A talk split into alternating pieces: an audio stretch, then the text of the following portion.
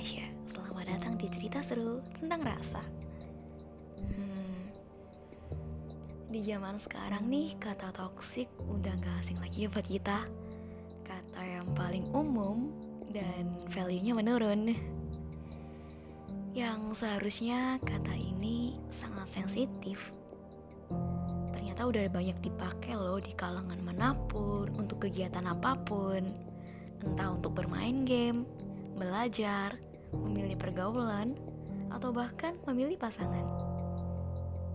Well, toxic relationship itu sebuah hubungan yang rusak atau hubungan yang menimbulkan racun. Ya, kadang kalau dipikir-pikir ya, mungkin tanpa kita sadarin, kita tuh sedang berada dalam hubungan toksik loh. Sadar gak sih kalau sebenarnya hubungan yang sehat itu bisa dibangun dari diri kita sendiri dulu? Kita ngelihat lingkungan kita belum beres. Nah, kita bisa menyesuaikan kan, beradaptasi atau mencapai lingkungan yang sehat. Kalau dipikir-pikir, sebenarnya bukan soal toksiknya sih. Tapi gimana kita bisa membawa budaya pergaulan atau kebiasaan pergaulan kita dalam kehidupan. Entah mungkin yang kelihatannya asing, eh malah membuat kita nggak nyaman. Jangan suka klaim orang ya. Lingkungan atau pergaulan orang negatif lah, dikit-dikit bilang toksik. Jangan gitu ya, secara nggak langsung itu bisa ngebuktiin loh kalau sebenarnya diri kita yang sedang terjebak dalam toksik itu. Ayo mulai bisa ngelu lihat peluang, potensi, dalam diri seseorang ataupun lingkungan kamu. Kadang kita perlu dibentuk dulu untuk menjadi seseorang yang lebih baik. Emang benar, kita tuh manusia nggak ada yang sempurna.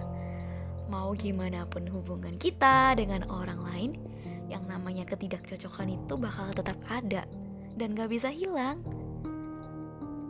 Kita hanya perlu sadar dan mulai belajar untuk terus memperbaiki diri. Ya, kalau boleh jujur ya, aku tuh pernah terjebak dalam hubungan toksik di mana aku merasa baik-baik aja sih di depan. Namun di belakang aku pendam sendiri loh. Dan aku belajar hal-hal simpel yang bisa aku lakuin itu aku harus aware sama diri aku sendiri dulu. Apa yang aku lakuin udah bener atau ngebuat orang terjerumus ke dalam lubang? Sebenarnya nih bukan tentang baik atau buruk, toksik atau enggak, hebat atau keren, tidak. Tapi mengenai dampaknya loh. Mereka udah kasih dampak apa sih buat aku? Atau apa dampakku jelek ya untuk mereka? Nah, toxic relationship itu sebuah keadaan yang memaksa kita untuk pakai topeng. Emang nyaman pakai topeng setiap hari?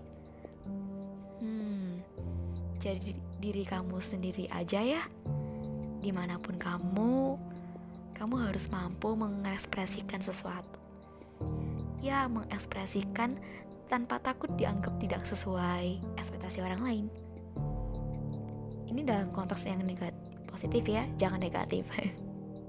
Ingat, kalau setiap kita tuh pasti punya akal budi kan? Nah, akal budi ini bisa ngebuat diri kita untuk punya integritas, kejujuran, nilai moral, untuk mewujudkan hubungan yang sehat. So, beritahu temanmu ya kalau hubungan tanpa kasih itu adalah sia-sia.